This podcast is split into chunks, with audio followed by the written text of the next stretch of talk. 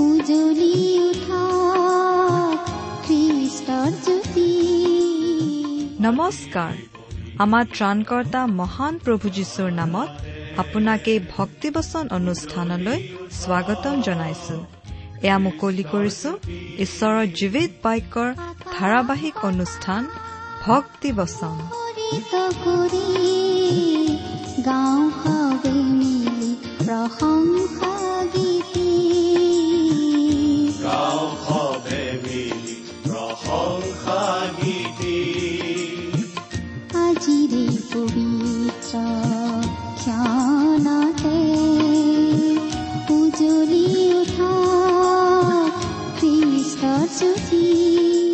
আপোনাৰ জীৱনত যদি শান্তি পাব বিচাৰে তেন্তে এয়া ঈশ্বৰৰ বাক্যৰ সান্তনা বাক্য ভক্তি বচন।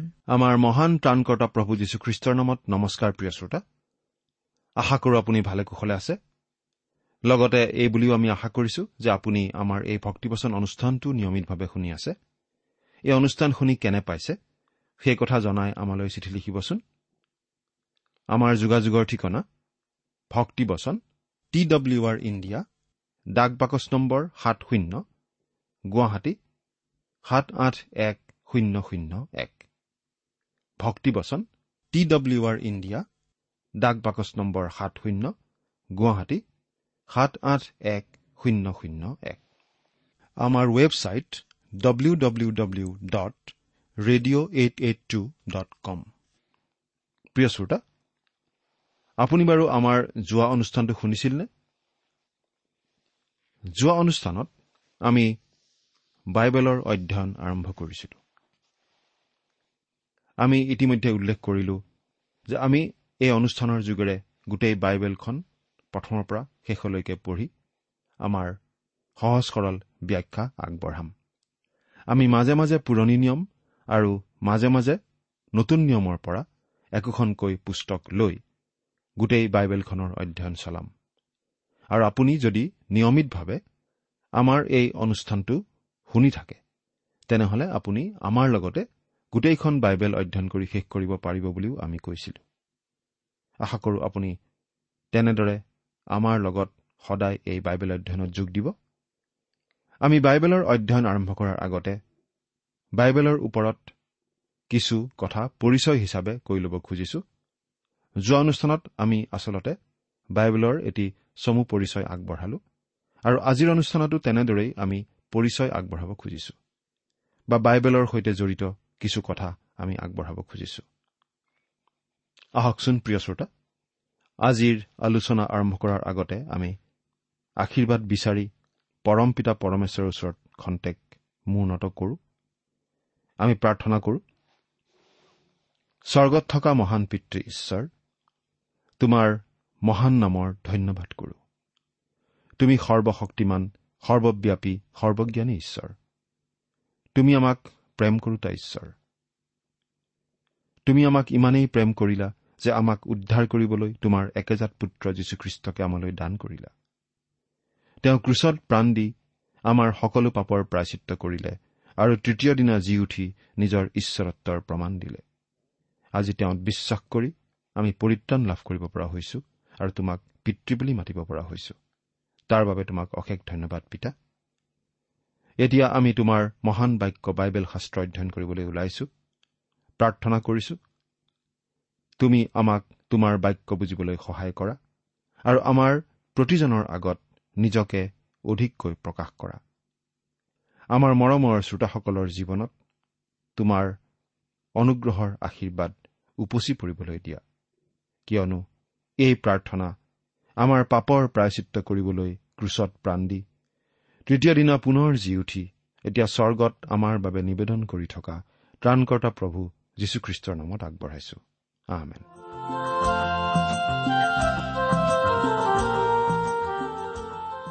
প্ৰিয় শ্ৰোতা আজিৰ অনুষ্ঠানত আমি বিশেষভাৱে চাবলৈ ওলাইছো কি ক্ষেত্ৰত বা কি ধৰণেনো বাইবেলখন একক আৰু অদ্বিতীয় পুস্তক?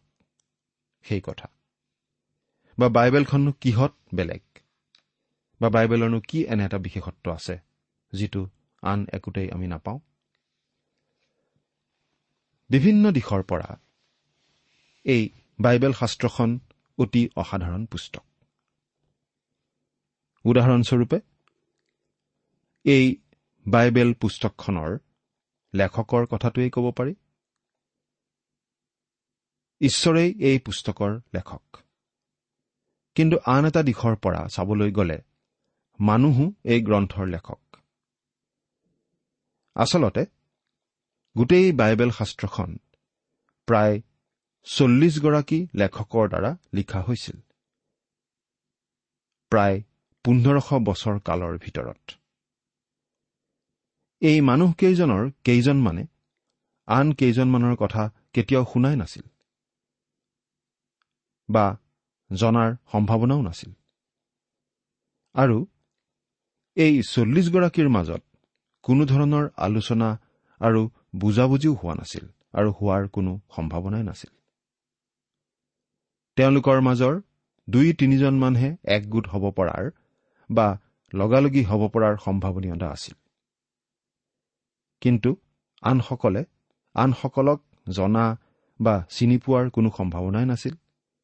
তথাপি তেওঁলোক আটাইকেইজনৰ যোগেদি এনে এখন গ্ৰন্থ ওলাই আহিছে যিখন গ্ৰন্থত একে চমকপ্ৰদ ধাৰাবাহিকতা আছে যিটো আজিলৈকে লিখিত যিকোনো গ্ৰন্থৰ ভিতৰতেই অতি চমকপ্ৰদ কথা। আকৌ এই বাইবেল গ্ৰন্থখনত কোনো ধৰণৰ ভুল নাই। প্ৰতিজন লেখকে নিজৰ নিজৰ ভাৱবোৰ নিজৰ প্ৰজন্মৰ আগত প্ৰকাশ কৰিছিল। নিজৰ সময়ৰ মানুহবিলাকৰ আগত প্ৰকাশ কৰিছিল।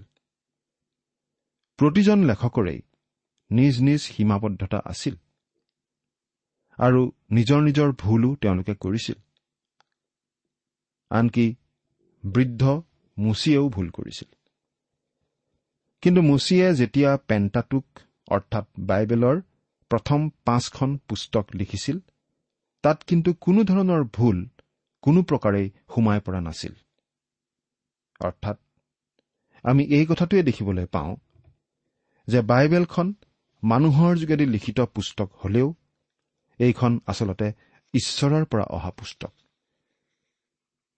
গতিকে ভুল কৰা দুৰ্বল মানুহে লিখা স্বত্তেও ইয়াত কোনো ধৰণৰ ভুল চকুত পৰা নাই। কিয়নো আচলতে মানুহৰ যোগেদি ঈশ্বৰে লিখোৱা এইখন পুস্তক। বাইবেল গ্ৰন্থখন মানৱৰ যোগেদি ৰচিত গ্ৰন্থ। আৰু সকলো ধৰণৰ মানৱৰ যোগেদি এই পুস্তকখন লিখা হৈছিল। অৰ্থাৎ সকলো ধৰণৰ সকলো শ্ৰেণীৰ সকলো পটভূমিৰ মানুহ আচলতে ইয়াত ব্যৱহৃত হৈছে বুলি আমি ক'ব পাৰোঁ। ৰজাও হ'ব পাৰে প্ৰজাও হ'ব পাৰে। অতিশয় মেধাৱী অথবা অতি সহজ সৰল। সকলো ধৰণৰ মানুহ ঈশ্বৰে ব্যৱহাৰ কৰিছে বাইবেল গ্ৰন্থখন লিখিবলৈ। উদাহৰণস্বৰূপে লোকে লিখা শুভবাৰ্তাৰ লিখক ডাক্তৰ লোকে প্ৰায় বিশুদ্ধ শাস্ত্ৰীয় গ্ৰীক ভাষাত কথাবোৰ লিখিছিল। কিন্তু সেই সময়ত কইনে গ্ৰীক ভাষাই বেছি জনপ্ৰিয় আছিল। কিন্তু ডাক্তৰ লোকে লিখা গ্ৰীক ভাষা অতিশয় সুন্দৰ আছিল। আনহাতে মাছমৰীয়া চিমুন পিতৰেও অলপ গ্ৰীক ভাষা লিখিছিল। তেওঁৰ ভাষা ইমান ভাল নাছিল। কিন্তু পবিত্ৰ আত্মা ঈশ্বৰে এই দুয়োজন ব্যক্তিকেই ব্যৱহাৰ কৰিছিল বাইবেলৰ পুস্তক লিখিবলৈ। পবিত্ৰ আত্মা ঈশ্বৰে দুয়োজন ব্যক্তিকেই তেওঁৰ ভাৱবোৰ সঠিক ৰূপত প্ৰকাশ কৰিবলৈ দিছিল। তেওঁলোকৰ আৱেগ অনুভূতিও প্ৰকাশ কৰিবলৈ দিছিল। কিন্তু সেই পদ্ধতিৰ যোগেদিও পবিত্ৰ আত্মা ঈশ্বৰে এনেদৰে নিয়ন্ত্ৰণ চলাইছিল যে ঈশ্বৰে যি কবলৈ বিচাৰিছিল ঠিক তাকেই প্ৰকাশ কৰা হৈছিল। আৰু এইটোৱেই এই গ্ৰন্থ অৰ্থাৎ বাইবেল গ্ৰন্থখনৰ অতি আশ্চৰ্যকৰ বিষয়। বেলেগ বেলেগ পটভূমিৰ বেলেগ বেলেগ সময়ৰ বেলেগ বেলেগ মানুহে লিখা গ্ৰন্থ। কিন্তু তথাপি গোটেই গ্ৰন্থখন এজন মানুহে লিখাৰ নিচিনা। আৰু আচলতে লেখক এজনেই স্বয়ং ঈশ্বৰ। এই বাইবেল গ্ৰন্থখন হৈছে ঈশ্বৰৰ গ্ৰন্থ। বাইবেলত ঈশ্বৰে দুহেজাৰ পাঁচশবাৰ এই বুলি কৈছে। ঈশ্বৰে কৈছে জিহুৱাই কৈছে জিহুৱাই এইদৰে কৈছে ইত্যাদি ইত্যাদি। ঈশ্বৰে এই কথাটো অতি পৰিষ্কাৰ কৰি দিছে যে তেওঁ এই গ্ৰন্থখনৰ যোগেদি কথা কৈছে। এইখন এনে এখন গ্ৰন্থ যিখন গ্ৰন্থই আপোনাৰ আগত জীৱনৰ কথা ক'ব পাৰে আৰু আপুনি আনকি ঈশ্বৰৰ সন্তান হ'ব পাৰে। ক্ষয়নীয় বীজৰ দ্বাৰা নহয় কিন্তু নিঘুণী আৰু নিষ্কলংক মেৰ পোৱালী স্বৰূপ খ্ৰীষ্টৰ বহুমূল্য তেজৰ দ্বাৰা। অনন্তকাল স্থায়ী আৰু অক্ষয়নীয় ঈশ্বৰৰ বাক্যৰ যোগেদি। বাইবেলখন হৈছে মানুহক ঈশ্বৰে নিজ মনোভাৱ ব্যক্ত কৰা গ্ৰন্থ। মানুহৰ আগত নিজৰ অন্তৰ উদঙাই দিয়া গ্ৰন্থ। এতিয়া যদি ঈশ্বৰে স্বৰ্গৰ পৰা কিবা কথা কয় তেনেহলে তেওঁ আগতে কৈ থোৱা কথাকেই পুনৰ দোহাৰিব লাগিব কাৰণ আজিৰ এই জগতৰ মানুহখিনিক যিখিনি কথা ক'ব লগা আছে সেই গোটেইখিনি কথা ঈশ্বৰে ইতিমধ্যেই কৈ থৈছে। তেওঁৰ মহান বাক্য বাইবেল শাস্ত্ৰৰ যোগেদি। মানুহে ৰাতিপুৱাৰ বাতৰি কাকতখন পঢ়ি আচলতে নতুন কথা একো নিশিকে। মানুহে যেতিয়া চন্দ্ৰত পদাৰ্পণ কৰিছিল তেতিয়া বাইবেলখন দিয়াৰ সময়ত ঈশ্বৰে নজনা কিবা কথা মানুহে আৱিষ্কাৰ কৰা নাছিল। বাইবেলখন যেতিয়া মানুহৰ হাতলৈ আহিছিল তেতিয়া যিখিনি কথা ঈশ্বৰে জানিছিল তাতকৈ বেছি কথা মানুহে একো আৱিষ্কাৰ কৰিব পৰা নাই। কিন্তু ঈশ্বৰ সৰ্বজ্ঞানী ঈশ্বৰে সকলো জানে। আজি আমি বাস কৰা এই বিশ্ব ব্ৰহ্মাণ্ডখন সৃষ্টি কৰা ঈশ্বৰজনেই তেওঁ। বাইবেলখন একে সময়তে ঐশ্বৰিকো আৰু মানৱীয়ও। এটা দিশৰ পৰা কবলৈ গ'লে বাইবেল শাস্ত্ৰখন হৈছে আমাৰ প্ৰভু যীশুখ্ৰীষ্টৰ নিচিনাই। কিয়? কাৰণ প্ৰভু যীশুখ্ৰীষ্ট স্বয়ং ঈশ্বৰ হৈও এই ধূলি মাটিৰে ভৰা জগতৰ বুকুত খোজকাঢ়িছিল আৰু প্ৰভু যীশুৰ ভাগৰ লগাত এটা নাদৰ পাৰত বহি জিৰণিও লৈছিল। অৰ্থাৎ যদিও তেওঁ স্বয়ং ঈশ্বৰ তথাপি তেওঁ মানুহো আছিল কাৰণ তেওঁ সম্পূৰ্ণ মানুহ হিচাপে জন্ম লৈছিল। তেওঁ এই পৃথিৱীত মানুহৰ আগত কথা কৈছিল আৰু মানুহৰ লগত ভাৱৰ আদান প্ৰদান কৰিছিল। বাইবেলখন হৈছে মানুহৰ আগত কথা কোৱা পুস্তক। ঈশ্বৰে মানুহক কথা কোৱা পুস্তক। এই কিতাপে আজি মানৱ জাতিক কথা কয়। মানুহক কথা কয়। মানুহক মানুহ হিচাপে চাই কথা কোৱা পুস্তক এই বাইবেল। এজন বিখ্যাত পণ্ডিতে এনেদৰে লিখিছিল। বাইবেলখন হৈছে দুটা অনন্তকালৰ মাজৰ এটা যুঁজক পথৰ নিচিনা। আৰু তাৰেই খোজ কাঢ়ে ঈশ্বৰ খ্ৰীষ্টই। তেওঁৰ অদৃশ্য খোজবিলাকে পুৰণি নিয়মৰ মাজেৰে প্ৰতিধ্বনি কৰে। কিন্তু নতুন নিয়মত সিংহাসনৰ কোঠাত আমি তেওঁৰে সৈতে মুখামুখি হওঁ। আৰু মোৰ হকে ক্ৰুচবিদ্ধ হোৱা একমাত্ৰ এই খ্ৰীষ্টৰ যোগেদিহে মই পাপৰ ক্ষমা পালো আৰু অনন্ত জীৱন লাভ কৰিলো। পুৰণি নিয়মখন খ্ৰীষ্ট নামৰ শব্দটোতেই সাৰাংশ ৰূপত সোমাই আছে। আৰু নতুন নিয়মখন যীশু শব্দটোত সাৰাংশ ৰূপত প্ৰকাশ পাই উঠিছে। আৰু গোটেই বাইবেলখনৰ সাৰাংশ এইয়ে যে যীশুৱেই সেই খ্ৰীষ্ট। বাইবেলখন যে ঈশ্বৰৰ পৰা আহিছে সেই কথাটো বাৰু আমি কেনেকৈ জানিব পাৰোঁ? প্ৰশ্নটো আকৌ কৈছো। বাইবেলখন যে ঈশ্বৰৰ পৰা অহা গ্ৰন্থ হয় এই কথাটো বাৰু আমি জানিব পাৰোঁনে? যদি পাৰোঁ এই কথা আমি কেনেদৰে জানিব পাৰোঁ? এইটো নিশ্চয় অতি ভাল প্ৰশ্ন। আৰু ইয়াৰ উত্তৰ আমি পোৱা উচিত। আৰু যদিহে ইয়াৰ কিবা উত্তৰ আছে তেনেহলে সেই উত্তৰৰ কথাখিনি আমি ভালদৰে বুজি লোৱা উচিত। বাইবেলখন যে ঈশ্বৰৰ পৰা অহা পুস্তক হয় তাৰ সমৰ্থনত আমি কিছুমান যুক্তি এতিয়া আলোচনা কৰিম। প্ৰথমটো যুক্তি হৈছে সংৰক্ষণ। সংৰক্ষণ। এই গোটেই কথাটোৰ এটা ব্যৱহাৰিক আৰু বাহ্যিক প্ৰমাণ এইয়ে যে বাইবেলখন অতি অসাধাৰণভাৱে সংৰক্ষিত হৈ আহিছে। বাইবেলখন যে ঈশ্বৰৰ পৰা অহা গ্ৰন্থ হয় তাৰ প্ৰমাণেই এইটো যে বাইবেলখন অতি অসাধাৰণভাৱে সংৰক্ষিত হৈ আহিছে। আমি প্ৰাচীন কালৰ এজন ৰজাৰ বিষয়ে পঢ়িবলৈ পাওঁ। জিৰিমীয়া ভাৱবাদীৰ পুস্তকত। যেতিয়া সেই ৰজাজনৰ হাতত সেই লিখিত বাক্য আহি পৰিছিল তেতিয়া তেওঁ এখন কেঁচি লৈ গোটেই পুস্তকখন কাটি পেলাইছিল। কিন্তু সেই গোটেই কথাবোৰ আকৌ লিখা হৈছিল। আৰু আজি আমি সেই বাক্য পঢ়িবলৈ পাইছো। অৰ্থাৎ ৰজায়ো ইচ্ছা কৰিও সেই বাক্য নষ্ট কৰিব পৰা নাছিল। শতিকাৰ পিছত শতিকা ধৰি বহুবাৰ বাইবেল একেবাৰে পুৰি পেলোৱা হৈছিল। আজিও এই বাইবেল শাস্ত্ৰখনৰ বিৰুদ্ধে বহু কথা আমি শুনি থাকোঁ। বাইবেলখনৰ শত্ৰু আজিও বহুত। আজি বাইবেলখন অৱশ্যে সঘনাই জ্বলোৱা নহয়। আমি হয়তো মাজে মাজে তেনেকুৱা ঘটনা শুনো। কিন্তু আজি সঘনাই জ্বলোৱা নহয় কাৰণ মানুহে নিজকে অলপ সভ্য বুলি বিবেচনা কৰে। কিন্তু ঈশ্বৰৰ বাক্যৰ শত্ৰুবিলাকে এই বাইবেলখনৰ পৰা হাত সাৰিব বিচাৰে। আৰু বিভিন্ন বিদ্যালয় আৰু আন আন ঠাই কিছুমানৰ পৰা এই বাইবেলখন বাহিৰ কৰিবৰ কাৰণে আনকি আইন প্ৰণয়নো কৰা হৈছে কিছুমান দেশত। তথাপি অৱশ্যে আজি মানুহে ধৰ্মীয় স্বাধীনতা বাক স্বাধীনতা আদিৰ কথাই কৈ থাকে।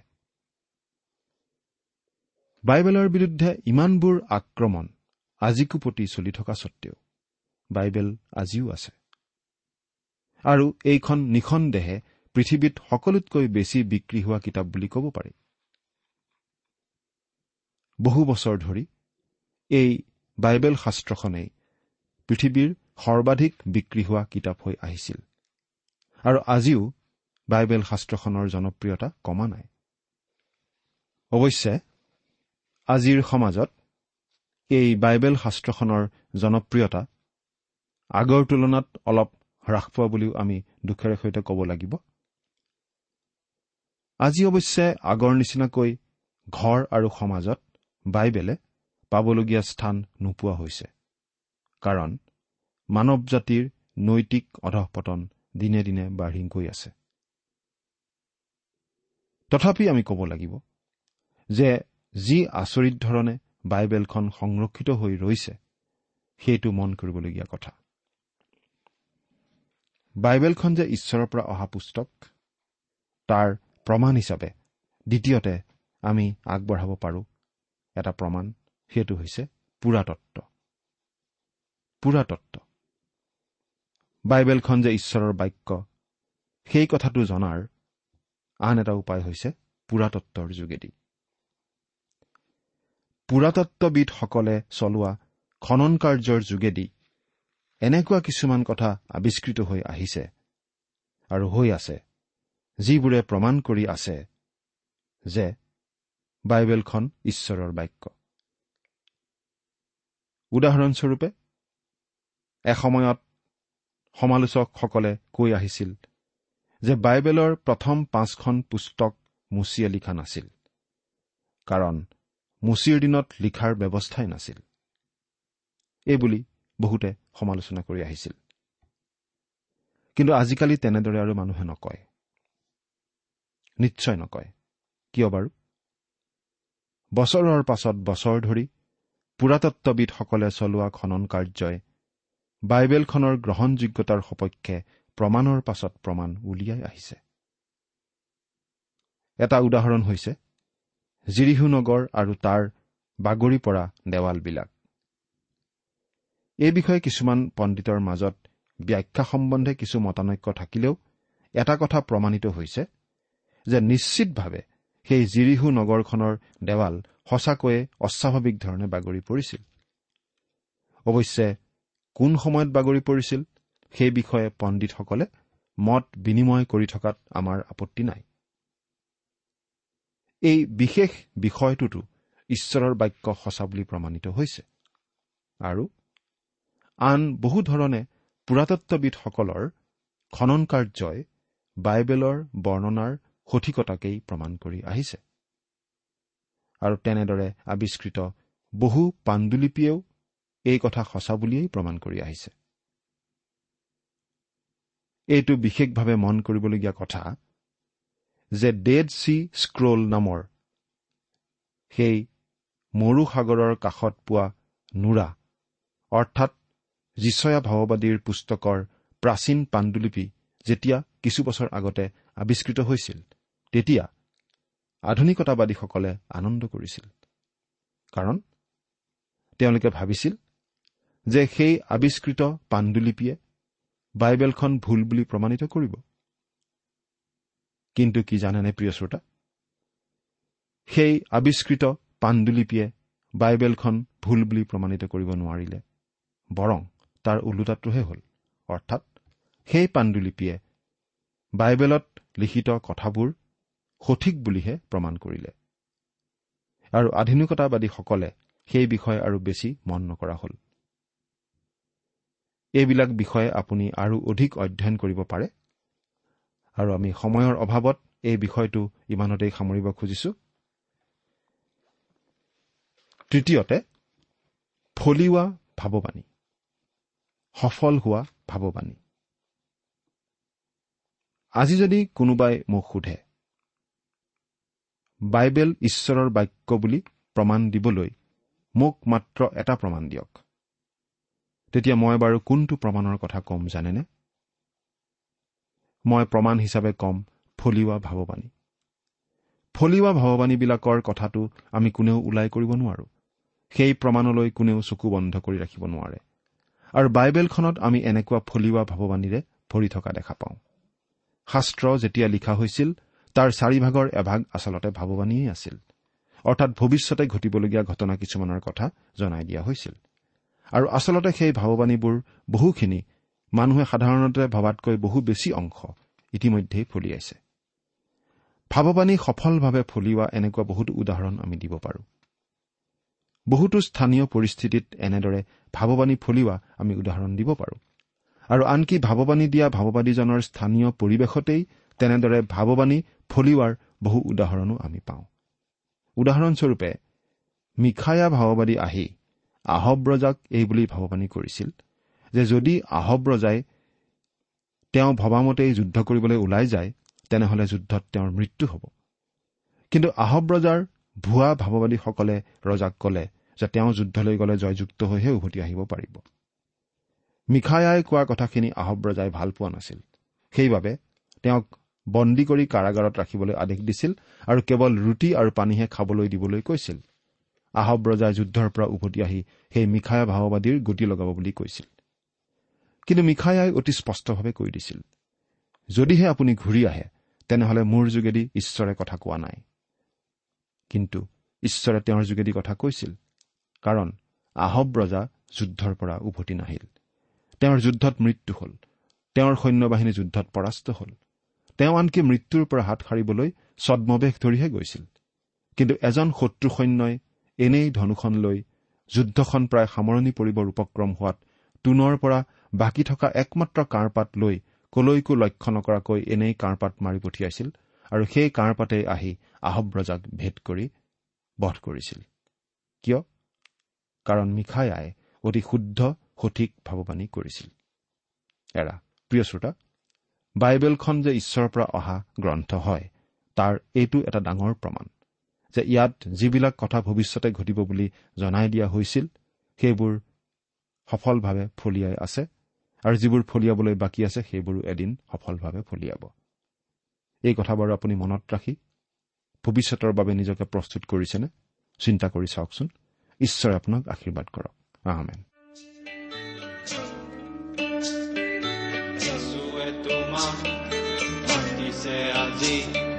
যিচুৱে তোমাক মাতিছে আজি যিচুৱে তোমাক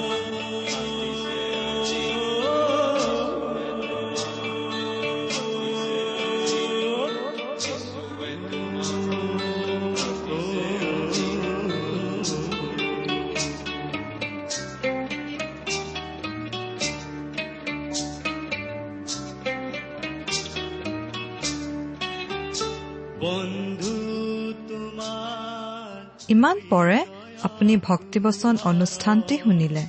এই বিষয়ে আপোনাৰ মতামত জানিবলৈ পালে আমি নথৈ আনন্দিত হ'ম।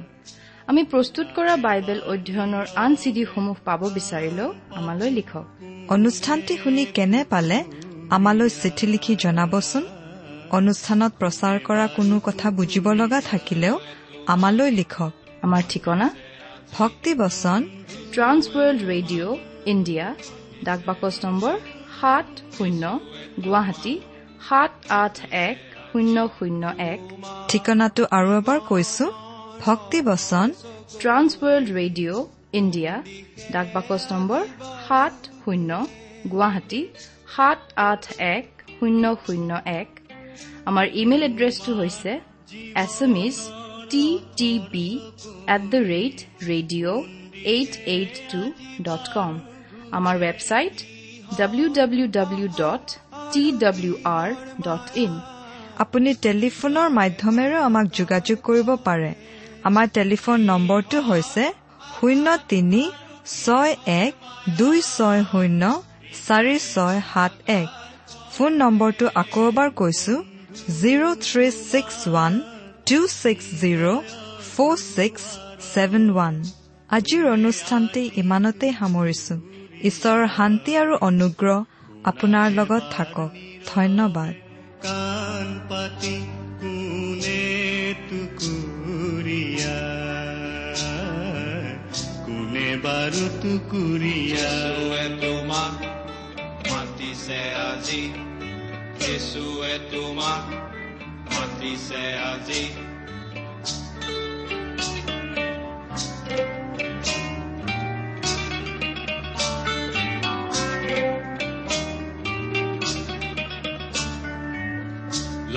বিলাস আৰু ভোগ বিলাসত যদিহে বন্ধু আছামজি লাখ বিলাস আৰু ভোগ বিলাসত যদিহে বন্ধু আছামজি এবাৰ থমকি ৰৈ নীৰৱে শুনা।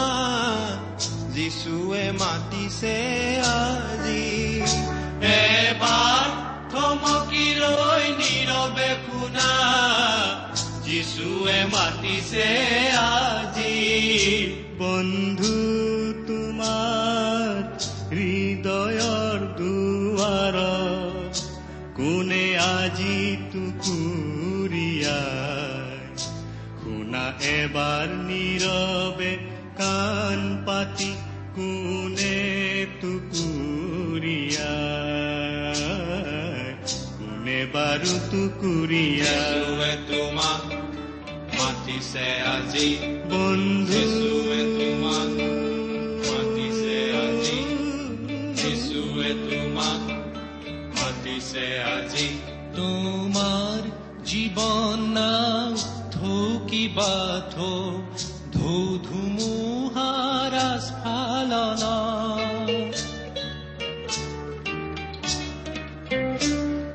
মুকলি কৰি হৃদয় দুৱাৰ যদিহে যিচুক আহ্বান কৰা। নিশ্চয় যিচু কৰিব প্ৰৱেশ আজিয়ে পৰিত্ৰাণ পাবা। বন্ধু তোমাৰ দুৱাৰ